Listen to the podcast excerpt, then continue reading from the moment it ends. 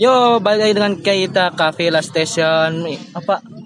Ya ini ke segmen Apa ini? bebas beropini lagi cuy. Seluruh Oh ini pembahasannya soal yang kemarin. tentang statementnya Pak D. Iya Pak D ini pas lagi rapat ini ya apa sih rapat ini kan singkat itu? Iyalah terbatas. Iya rapat terbatas soal.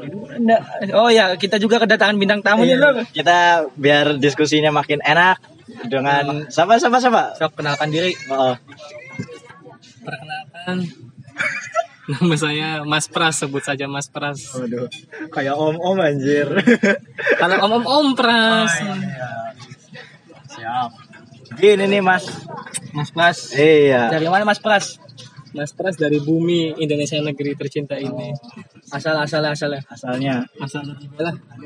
Alamatnya alamatnya. Enggak usah. Enggak penting. Ya kan siapa tuh ada yang mau ingin menghubungi nanti Iya. sebagai masa Mas dapat narasumber dari mana kok bagus nih Ya. mau diundang nih tapi diundangnya kan kesel kan nggak masalah itu juga Diminta keterangan ya. iya oh saya mah enjoy aja udah tahu polisi juga lah Tapi dari Cirebon ya, dari Cirebon ya. Alhamdulillah sampai sekarang masih di Cirebon. Oh. kesibukan untuk saat ini apa Mas Pas Kesibukannya menganggur. Apa nih Langsung aja dah. langsung aja Langsung gas. Jadi gini Mas Pras. Eh, kemarin itu Pak D kan di rapat terbatasnya menyinggung soal ini loh Mas Pras.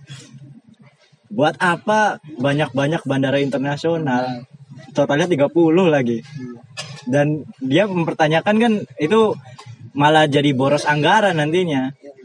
Nah, yang dipermasalahkan itu kan sebelum ya pas periode pertama kemarin kan ya? Itu kayak dikebut banget itu pembangunan pembangunan bandara-bandara sampai kasus-kasusnya itu loh banyak lahan-lahan pertanian warga warganya kan demo itu banyak yang demo tidak terima pembebasan lahannya lu menolak pembebasan lahan.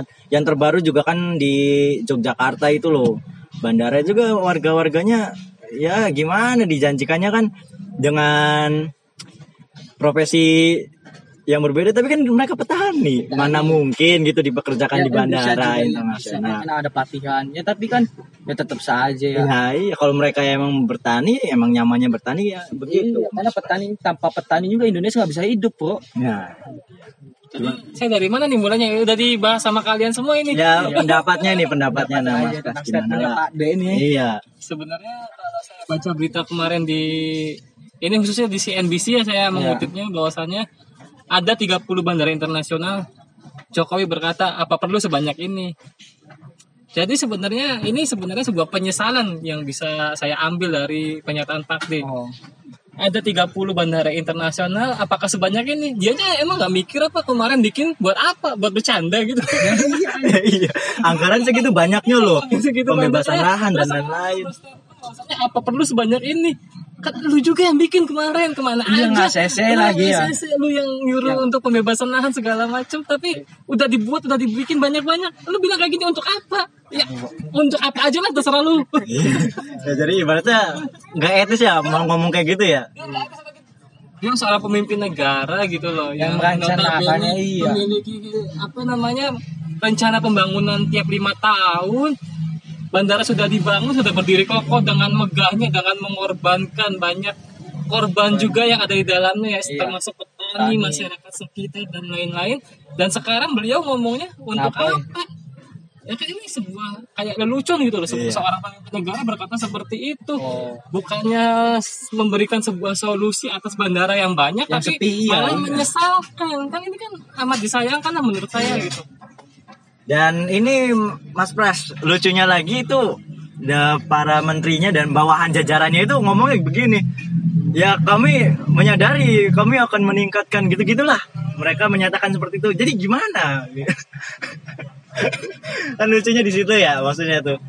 Terus eh jadi eh, menurut Mas Pras ini jadi kayak gimana ya? Maksudnya apakah pemerintah itu kan membangun itu berarti kan ibaratnya tidak mendengar dari bawah dulu ya atau tidak survei dulu gimana gitu. tempat, nah survei tempat apakah strategis atau apakah berpotensi menguntungkan atau tidak gitu loh Iya. Ya mungkin pemerintah mempunyai terobosan baru loh. apa itu Bandara dijadikan apa? Lahan pertanian baru.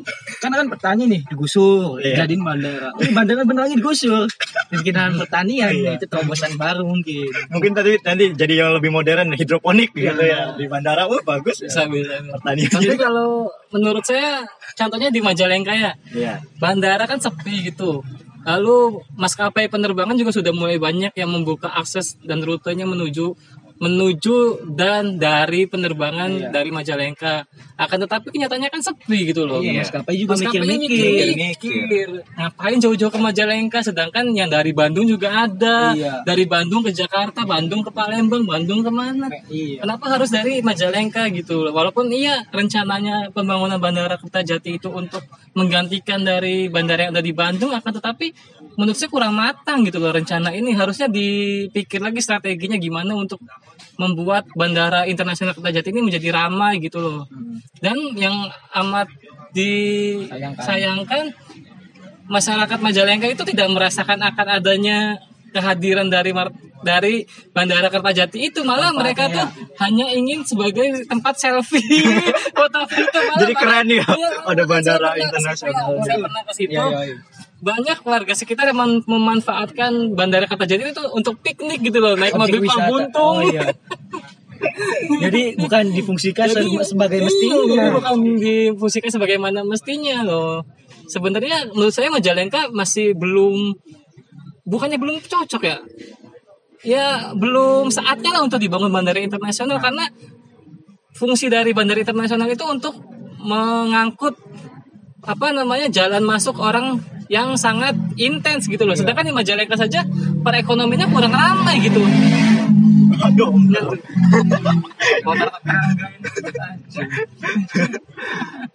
Iya, ya walaupun kita tahu juga sih sebenarnya di Majalengka kan segala upaya ya. Maksudnya dibangun jalan tol lagi, mungkin dibangun akses, terus ada travel-travel juga kan yang khusus gitu loh. Melayani, iya, Mau melayani bandar-bandar. lan- langsung ke Kertajati, tapi kan nyatanya orang yang belum iya. Karena kan rencananya itu tuh Bandara Internasional Kertajati niatnya kan untuk ibadah haji tahun ini, tapi pada kenyataannya kan ibadah haji aja kan cancel gara-gara corona.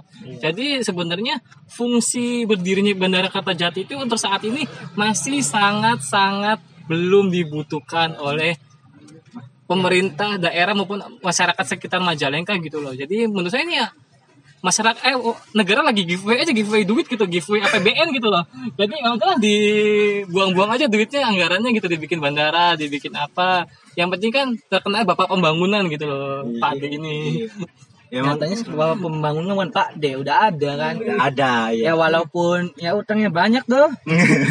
Puntennya saya nggak mau bilang nih. Terus ini cuy. Aduh, kita sumbernya masih ini. Ada tuh yang jadi berita pembangunan. Banyak banget. cuy. Nah, ini Mas Pras ada contoh-contohnya kan nih? Ini beritanya terpercaya kok. ini izinnya izin menjelaskan bahwasannya Jokowi ini lupa atau bagaimana gitu dengan statement beliau di rapat terbatas kemarin yang mengenai bandara internasional sebanyak ini untuk apa padahal beliau di sini menurut menurut berita yang saya dapat di republika.co.id Saya perlu aja sebutin tanggalnya ya. Sempat takut lupa nih. Iya. Mangga, mangga. Rabu 23 Maret 2016 pukul 16,37 WIB. Nah, beritanya gitu nih Nur Yuk. Jokowi resmikan Bandara Internasional Juwata Gimana tuh? di mana ini di Kota Tarakan, Kalimantan Utara. Ada pula di lain tempat Jokowi Bandara Raden Intan harus layani penerbangan internasional. Sedangkan Bandara Raden Intan itu ada di Lampung. Berita ini diakses pada tanggal 7 Maret 2019. Lalu selanjutnya Presiden Jokowi ingin Bandara Fatmawati direvitalisasi berkelas internasional. Bandara Fatmawati itu ada di Bengkulu ya, pemirsa. Bangun ya mau Udah, udah terbangun. Nah, ini Jokowi tuh ingin membangun bandara-bandara yang sekelasnya tadinya cuman nasional. daerah antar kota, antar kota, antar pulau ingin menjadikannya bandara internasional. Tapi di tahun 2020 ini entah duit negara udah habis atau duit negara udah kolaps gara-gara Covid. Iya. Jadi beliau bilang dan statementnya buat apa? buat apa bandara internasional ini gitu loh. Apa dia tuh lupa? Apa kemarin tuh dia lagi bercanda atau apa? Sebenarnya Datang-datang sih. aja ya. Apa dia tuh cuma diundang untuk ngeresmiin? Apa dia juga nggak tahu gimana? Amat disayangkan sih menurut saya. entahlah atau, atau mungkin ini ya apa sih maksudnya membangun banyaknya bandara itu biar gimana ya biar keren aja kayaknya ya mungkin atau atau positifnya positifnya kita tuh biar wisata setiap kota itu yang berpotensi dapat dikunjungi oleh masyarakat internasional. Mungkin ya biar masy- masyarakat internasional tuh nggak tahu cuman Yogyakarta, Jakarta atau Bali doang. Apa mungkin begitu? Ya kan kita tidak tahu. Positifnya lagi kan satu biar pilkada keduanya menang. ya itu mungkin bisa jadi salah satu opsi. Tapi saya menarik dengan statement dari Bro Ibnu Ngulek nih. Bro Ngulek Bro Ngulek bahaya ini udah tukang bakso bawa hati aduh bahwasanya pembukaan bandara internasional ini bisa membuka keran wisata mancanegara. Saya juga sepakat gitu loh. Apabila wisatawan mancanegara terus berdatangan ke Indonesia ke Indonesia, Indonesia juga. otomatis devisa negara juga akan naik dan mendapatkan pendapatan asli daerah itu ada gitu. Akan tetapi perlu difikirkan lagi cara-cara untuk menarik ini seperti apa gitu loh. Apalagi masyarakat luar negeri khususnya di daerah Eropa atau Amerika sana itu lebih mengenal Bali loh ketimbang Indonesia. Mereka pasti tahu loh. Saya pernah ke Bali tapi kalau ditanya Indonesia, Jakarta, dia pasti geleng-geleng kepala, dia nggak tahu. Makanya ini fungsi dari apa namanya bandara sebagai pembuka keran dari turis mancanegara perlu difikirkan lagi karena promosi dari dinas Bu, dinas pariwisata. dan kebudayaan Indonesia harusnya digenjot lagi gitu loh. Melalui dubes-dubes yang ada di negara-negara sana dengan menggencarkan influencer-influencer. Biar influencer nggak kebanyakan nyebarin hoax lah ayolah berpikir positif membantu membangun Indonesia gitu loh. Terus jangan bayarin giveaway gitu loh. Apalagi giveaway-nya nggak nggak nyampe hadiahnya tuh. Yang nge-like postingannya banyak amat sponsornya gitu loh. Tapi ini Mas, eh kalau misalnya gimana sih kalau kita lebih baik daripada membangun banyaknya bandara gitu dan akhirnya kan tidak tercapai gitu ya? Karena ya ujung-ujungnya kan orang pasti ke Bali, Yogyakarta atau Jakarta kan. Kenapa nggak membangun di daerah pariwisatanya itu supaya lebih berkembang lagi? Biar Nah, nah ya nanti sehingga orang yang telah datang ke eh, Bali, Yogyakarta atau Jakarta baru di- diberi pilihan lagi gitu terhadap kota-kota lain yang atau tempat-tempat Indonesia yang ternyata lebih indah lagi kan bisa sebenarnya ya. Anggarannya itu mungkin bisa lebih lebih kecil daripada membangun daerah ya. Iya, berarti kan membangun daerah yang efeknya juga kan pasti ke masyarakat luas langsung gitu. Itu gimana tuh? Kalau menurut saya, ya saya juga sepakat dengan pernyataan dari Bro Ngulek ya. Bahwasanya kalau ngebangun bandara mungkin anggarannya bisa sampai triliunan gitu loh. Kenapa kita tidak membangun dari wisata dari setiap daerah itu kita gali potensinya, kita promosikan gencar-gencaran melalui media, media massa, media elektronik, media online dan segala macam. Kita bisa memanfaatkan itu. Akan tetapi kembali lagi pelaksanaan di daerah biasanya berbanding terbalik dengan apa yang disuruh oleh pusat. Ah, nah, nah. Susahnya tuh di situ Nah. Indonesia ini. Anggaran dari pusat misalnya udah turun nih nanti ke daerah nyampe nya emang nggak tahu entah itu dua bulan lagi tiga bulan lagi mending kalau nyampe kalau enggak kan itu menghambat juga sebenarnya. Makanya seharusnya kalau mengenai proyek-proyek terkait pembangunan tiap daerah harusnya dipantau langsung oleh pemerintah pusat agar pelaksanaannya dan goalnya itu tercapai gitu loh. Apalagi kan ini kan apa rencana pembangunannya Pak Ade gitu loh. Masa Pak Ade dipermalukan sama kepala daerahnya? Ya mau ditaruh di mana mau ke Pak Ade gitu loh? Poinnya mungkin di situ sebenarnya. Indonesia tuh ya kaya sih kaya cuman terlalu banyak apa ya? Penurunan. Jadi uang dari sini pindah ke sini pindah ke sini. Itu terlalu lama terlalu ribet prosesnya itu loh. Ya apalagi kan udah ada ongkirnya gitu loh. sekarang pasti orang itu di daerah juga minta ongkir ya tidak? Eh, pengamanan dan lain-lain ya tidak? Mentalnya ini mental mental mental mental apa warga negara dan perangkat-perangkat yang ada di dalam negara ini sudah sangat bobrok ya saya bisa katakan bobrok karena gitu. Ini pengen ngebangun negara aja lu masih hitung-hitungan gitu. Katanya NKRI harga mati.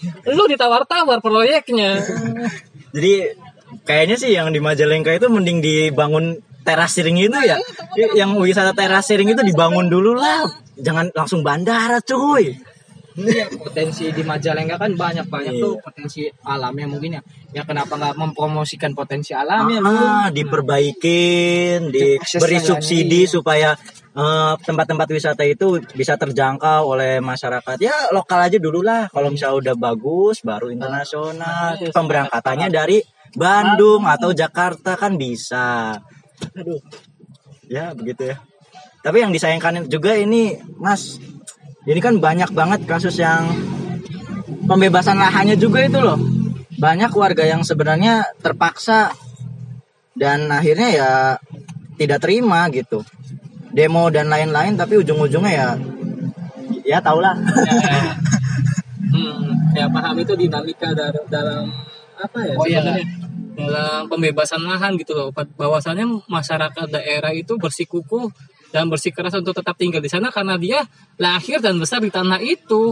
Saya juga kalau sebagai warga asli situ saya akan menolak pembangunan dari bandara maupun pembangunan yang mengatasnamakan segala sesuatu gitu loh. Menghalalkan segala cara lah. Karena pada dasarnya warga sekitar itu sudah bergantung hidup di dalam tanah, air, dan udara di daerah tersebut gitu loh. Emang negara mau bertanggung jawab gitu apabila misalkan petani gitu, lahannya digusur. Ya tadinya sudah makmur, petani membangun padi tiap bulan, eh, tiap tiga bulan sekali, lima bulan sekali panen. 30 ton, tiba-tiba cuma dapat duit pembebasan yang cuma dapat 10 miliar gitu. Duit 10 miliar bahkan ad, duit 10 miliar bakal habis. Ketimbang dia punya tanah itu nggak diusik-usik sama negara gitu loh. Dan untuk pembangunan sendiri sebenarnya nggak tahu gitu loh apakah pembangunannya itu melibatkan warga asli daerah tersebut atau justru dikontrak warga negara asing mungkin apa daerah dari lain mungkin yang justru terjadi kecemburuan sosial nantinya yang ada di daerah tersebut. Sebenarnya ini efek domino yang dihasilkan dari pembangunan yang secara tidak langsung kita bisa katakan dipaksakan apabila ujung-ujungnya ada pembebasan lahan yang dipaksakan karena ada petani yang protes dan lain-lain. So, Ya. mungkin dari bro sebelah apa namanya juga lupa. John. John John, John Tor. aja lah. Ya itu kan yang sayangkannya itu. Jadi ya pemerintah nggak ya cuek amat gitu loh. Padahal kan buat petani itu kan bahan pokok tuh makanan pokok juga kan buat warga negara Indonesia. Daripada kita ngimpor, eh ekspor ya, impor, Impor. ngimpor, Impor. ngimpor ke negara-negara lain. Kita sih yang ngelola aja sih di diri. Sih ya sok mana sih yang nggak tahu Ya, Indonesia terkenalnya apa Ah. lahannya yang lahannya dulu itu. Yo lo. Ya ibaratnya kayak kita mengalihfungsikan eh, lahan-lahan pertanian itu yang sudah sebenarnya sudah tepat sudah dikelola oleh masyarakatnya, namun dipaksa untuk beralih fungsi ya. Dan pengelolaannya sekarang ya tahu sendiri. Jadi jangka panjangnya tuh belum tentu, belum tentu. Maksudnya Apalagi ini terkait bangunan megah gitu loh. So, pemirsa-pemirsa dan pendengar-pendengar podcast ini pikirkan aja ya gitu loh. Seorang petani gitu, kalau ujuk-ujuk ke bandara lamar kerjaan diterima enggak gitu loh. Logikanya gitu loh. Jadi jadi ini tuh yang apa sih motongin rumput lah. Mungkin. itu juga nggak mungkin semuanya keserap. petani yang ada di gusur itu cuman mereka bisa bertahan hidup dengan uang pengganti uang dari hasil tanah yang sudah digusurnya. Dan itu pun saya saya jamin paling bertahan lama-lama 20 tahun. Setelah itu 20 tahun ke depan siapa yang bisa ngejamin petani itu hidup layak lagi gitu loh. Padahal itu benar tanah tanah hidup tadinya. Tanah hidup tanah Bagus, subur apalagi da- daerah Majalengka kan dikenal dengan daerah pertaniannya yang bagus subur dan lain-lain. Apabila sudah apa tergerus kemajuan zaman seperti dibangunnya bandara, jalan tol, mau dari mana lagi lahan hijaunya gitu loh. Untuk warga kota mungkin yang belum tahu ya. Jadi kalau misalnya di eh, sistem pertanian ini ya, jadi ada gini misalnya, ada yang pemilik lahan. Pemilik lahan itu nanti yang menyewakan lahan. Ada orang yang bertani. Jadi di situ tuh ada saling keterikatan orang-orang yang tinggal di sekitaran pertanian itu pasti semua mendapatkan jatahnya. Ibaratnya gini, ada orang yang bertani, pasti ada buruh taninya. Pasti ada yang penyewa lahannya, pasti ada yang me- mendistributorkan dari lahan pertanian ke kota-kota, ke pasarnya, ke konsumen kan gitu. Nah, dari yang eh, lahan itu juga sampai limbahnya juga ya, masyarakat itu pasti menjual lagi dari gabahnya dan lain-lain. setiap warga pasti mendapatkan eh, keuntungan keuntungan dan hasilnya gitu loh. Walaupun hasilnya memang sedikit tapi kan Bisa eh, hidup. Bisa, hidup. mereka bisa hidup Bisa dari hidup tanah mereka tuh. Majalengka itu dan Nah. coba sekarang dari Bandara Kertajati mereka dapat apa sih? Iya. Dapat polusi suara pasti bising suara pesawat Nah, dapat duit nggak mungkin mungkin. Duitnya pesangon aja Iya, yang pesangon aja. pertama.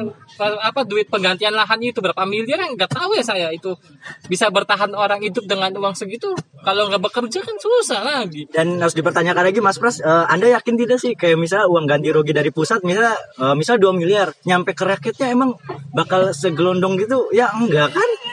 kan nyampe harusnya Harusnya. Tetap kait dengan Ongkir. Enggak Oh, iya. tanah tersebut. Apabila sudah ada dealing antara pemerintah dengan rakyat atau orang yang bersangkutan harusnya sesuai dengan nilai yang ada di surat hak milik sertifikat hak milik tersebut lah. Nggak boleh diperkecil apalagi ini terkait dengan hak hidup orang gitu loh. Tapi yang pernah dengar-dengar juga kan kayak misal pembebasan lahan itu ya ternyata dibayarkannya itu kecil gitu. Kenapa orang-orang pada akhirnya demo kan soal pembebasan lahan itu? Karena eh, tidak sesuai dengan eh, dengan janji itu tidak sesuai. Nah, itu dia. efek domino dari pembebasan lahan dan janji-janji saat mereka berusaha bersikeras untuk mendapatkan lahan tersebut. Setelah mereka mendapatkannya ya udahlah gue udah dapet. Lu ya segini bagian mau syukur enggak? Ya udah kan itu amat disayangkan gitu loh. Kita sasa- kita sama-sama warga negara. Ya tolonglah jangan jadi penjilat pembunuh sesama sesama warga negara gitu loh. Mereka juga butuh hidup. Lu enak duit digaji sama negara. Lah dia kudu susah-susah manen nanem nandur benihin apa namanya? Iya, benih apa namanya? Benih padi tuh. Benih benih apa? Nandur. nan enggak benihnya dulu menuai menuai dulu. Iya, menuai dulu, cuy. Belum lah. Ah ya. itulah. ada juga nih desas-desus pelanggaran undang-undang nih tentang Undang-Undang Nomor 2 Tahun 2012 tentang pengadaan tanah bagi pembangunan untuk kepentingan umum. Nih menurut siapa ya tadi tuh? Mbak Dewi nggak usah tuh. Mbak Dewi, Mbak Dewi. Oke. Nih ada juga yo ya itu kan kalau udah melanggar undang-undang kan ya negara nih sebenarnya yang bikin undang-undang. Enggak Yang- yang bikin undang-undang bukan Oh, negara iya Pak. maksud ya yang bagian bikin undang-undang tuh badan legislatif Ya, kita kan dia. anggota DPR Nah, itu dia. yang melaksanakannya juga kan ya rakyat presiden Sebenarnya ini kan nyerempet-nyerempet ke undang-undang yang itu ya rancangan undang-undang tentang agraria. Nah, tapi pengen bahas apa jangan. Terlalu berat sih. ini terlalu berat pokok agraria yang terbaru itu soalnya terkait apa ya apa sih desas-desusnya Ya itu kan terkait pokoknya kalau misalnya eh saya pernah sempat membaca itu negara kalau misalnya ingin mem, mem- apa sih me- menggunakan lahan tersebut ya rakyat harus ini Oh, itu mah sebenarnya udah dari dulu juga ada Mas Ibnu. Ada hak istimewa negara kepada rakyatnya. Jadi apabila negara punya kepentingan dan membutuhkan, warga harus sukarela untuk melepaskan asetnya kepada negara. Itu apabila urgen, urgent. urgent ya. Hmm, urgent. Emang itu dari dulu udah ada sebenarnya gitu. iya kan apalagi nih yang ah, Pak Owo nih katanya kan asetnya banyak tuh Pak Owo yang Kalimantan tuh tolonglah kasihin lah ke warga Kalimantan ya enggak sih Ya mungkin Kalimantan kan sebenarnya menjadi ibu kota nih. iya Yang itu nanti proyeknya siapa yang dapat? Eh, ini untuk para pendengar juga eh, kenapa kami eh, berani seperti ini karena sebetulnya saat ini pihak oposisi itu sudah tidak ada karena oposisi yang kemarin itu sudah diangkat jadi menteri ya tidak sudah masuk ke dalam pemerintahan. Nah. Jadi yang amat disayangkan apabila posisi oposisi itu kosong, yang ditakutkan negara akan semena-mena terhadap kebijakan-kebijakannya tidak ada lagi yang mengontrol, tidak ada lagi yang vokal gitu loh. Jadi saya harap para pendengar nggak usah baper dengar podcast ini. Emang bener keadaan negara kita ini sedang kayak gini gitu loh. Ada masalah, emang wajar lah tiap negara banyak masalah. Tapi ini udah keterlaluan gitu loh. Masa Pak Ade udah bangun bandara banyak tiba-tiba bilang buat apa bandara sebanyak itu? Lu pikir kemarin-kemarin ngapain? Lima tahun kemarin tuh kesel gue. serius. Iya kan nah itu dia itu dia itu dia ya udah dah, cukup mau bahas lagi ini udah 24 menit ya bebas ya maksud saya kan ya untuk penyimbang adanya negara itu kan sebenarnya ada nih kita perlu aktivis yang mau mau tapi tolong ada yang aktivis yang bejat kan. Yang "Lu, lu, lu, lagi vokal di depan pas nih cung cung cung cung ada proyek nih mau nggak aja? Iya iya mau kan ngejilat lagi. Kan apa yang patut disayangkan saya sih lebih suka ya ya oposisi yang dulu kan gitu. Dia kan bukan orang miskin orang kaya bro yang oposisi yang dulu tuh yang jadi menteri kan. Iya. jadi maksudnya mau disogok berapapun juga udah nggak bakal mempan. bakal mempan. Ya. udah nggak butuh uang gitu loh. Sekarang udah diangkat menteri, kita sebagai rakyat ya harusnya jadi oposisi. Tapi kita takut juga. Sekarang se- dikit-dikit ada tukang bakso bawah hati cuy. ya bukan sekolah aja tuh kan apa tentang undang-undang yang nggak kita nggak boleh kritik presiden ada apalagi ada ITE gitu soalnya ini sebenarnya kita juga takut sebenarnya ini nih apabila ada yang ngerekam kayak gini kan Dipotong ya? dipotong, apa Aduh. segala macam kan takutnya ada pembelokan makna gitu takutnya Jadi- kayak pas dulu pas Pak Ahok ya Iya, Pak Ahok itu. Iya. Ya, itu jangan dibahas lagi nanti kita di Iya, seruduk. duduk cuy. Nah, itu di luar. Itu Ya, ya. Udah, Ya, udah. beliau juga udah, menerima beres, ah. keputusannya bahwasanya beliau emang bersalah dan sudah dipenjara ya udahlah udah fair gitu loh apa yang mereka tuntutkan udah dapat gitu Sebenarnya ya untuk kalian yang misalnya ingin mengkritik, sebenarnya mengkritik nggak apa-apa, tapi yang dipermasalahkan kan itu misalnya kita menjelek-jelekan presiden ya. Nah kalau misalnya ke- kinerjanya kita kritik dan beri masukan ya nggak apa-apa gitu. Yang penting tidak menyerang secara pribadi Nah. Nah itu contohnya dia. contohnya mungkin contohnya Jangan jangan nanti kita bisa bang langsung dicari dia. Mas Pras apa Mas Pras gitu. Ya sebenarnya ini kan ini kan lahannya kan lahannya ngulek ya jadi saya cuma di, diundang di sini cuma diundang doang sebenarnya Jadi ini atas nama kita tuh. saya tidak ikutan itu mas gulak Eh oke oke oke. Udah ya. Udah. Ya, tambahannya bener tadi menurut abang siapa John John Tor ya abang John yang mengatakan bahwasanya kita butuh penyeimbangnya inilah kita sebagai anak-anak muda gitu loh yang masih diberikan pikiran yang jernih gitu loh untuk berdiskusi. Enggak deh yang diberikan kesempatan kita untuk berdiskusi, untuk menata ke depan terkait permasalahan negara, ya ayolah kita sebagai anak muda kita satukan pikiran, kita buatlah seenggaknya kita sebagai agen of apa ya? Bukan agen of change, nggak ada yang perlu dirubah ini sebenarnya. Hanya hanya diperbaiki, diluruskan sih. sebenarnya. Hmm, karena kalau dirubah susah lima tahun coy. Ini nih apa Pak Din masih lima tahun, masih masih empat tahun lagi. Kita harus hormatin ini, harus hormati. Kita bimbing lah, kita kawal, kita kawal. apa yang salah kita kasih tahu apa yang benar kita dukung gitu loh. Iya. untuk kemajuan Indonesia ke depannya. Lagi sebentar lagi kita akan menuju proklamasi kemerdekaan ya tanggal 17 Agustus ya. Ayo sebagai pemuda kita isi dengan forum-forum diskusi mengenai negara ya nggak apa-apa gitu. Kita butuh itu semua Ya, kita kalau misalnya Pak Ade hanya mendengar dari jajarannya saja kan ya jajarannya juga nggak tahu kalau kondisi di lapangan tuh kayak gimana nggak tahu. Ya makanya kita sebagai pemuda ya beri bisikan-bisikan lah. Pak De jangan seperti itu. Itu salah. Harusnya seperti ini. Eh, jangan lupa udah diresmiin 30 bandara itu tuh. Masa bilang buat apa gitu. Nah itu dia. Terus Pak Ade asuh cebong jangan baperan. Kita jangan ini ya soalnya kan yang cebong kampret ya kampretnya juga udah jadi menteri kok. Oh, iya udah jadi buzzer juga nantinya. Ya, oke? Oke udah. Oke dicukupkan saja eh, diskusi kita oke tetap di segmen apa? Bebas beropini cuy. Ya ini segmen baru ya tolong atuh didengar. Ini penting atau penting? Oke. Dadah. Dah. Yuk, lagu ini buat kawan-kawan kita yang hatinya masih memiliki kebenaran. Fajar merah. Kebenaran akan terus hidup.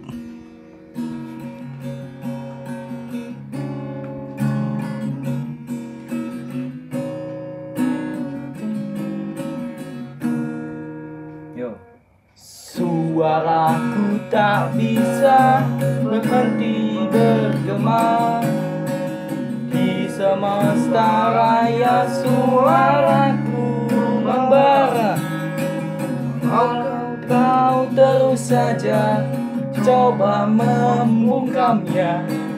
Namun suaraku takkan pernah bisa kau redam. Oh, tak bisa kau redam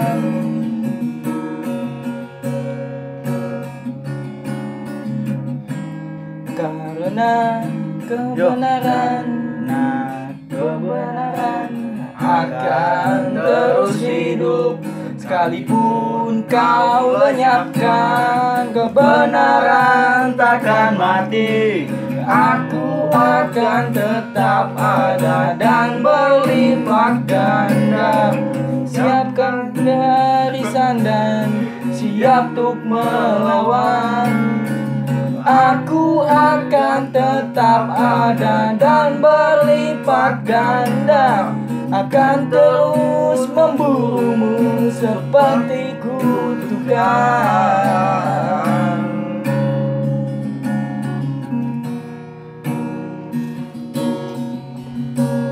Aku bukan artis pembuat berita Tapi aku memang selalu kabar buruk buat penguasa. Puisiku bukan puisi Tapi kata-kata gelap yang berkeringat dan berdasarkan mencari jalan. Ia tak mati-mati meski bola mataku diganti. Ia tak mati-mati meski bercerai dengan rumah ditusuk sepi-sepi.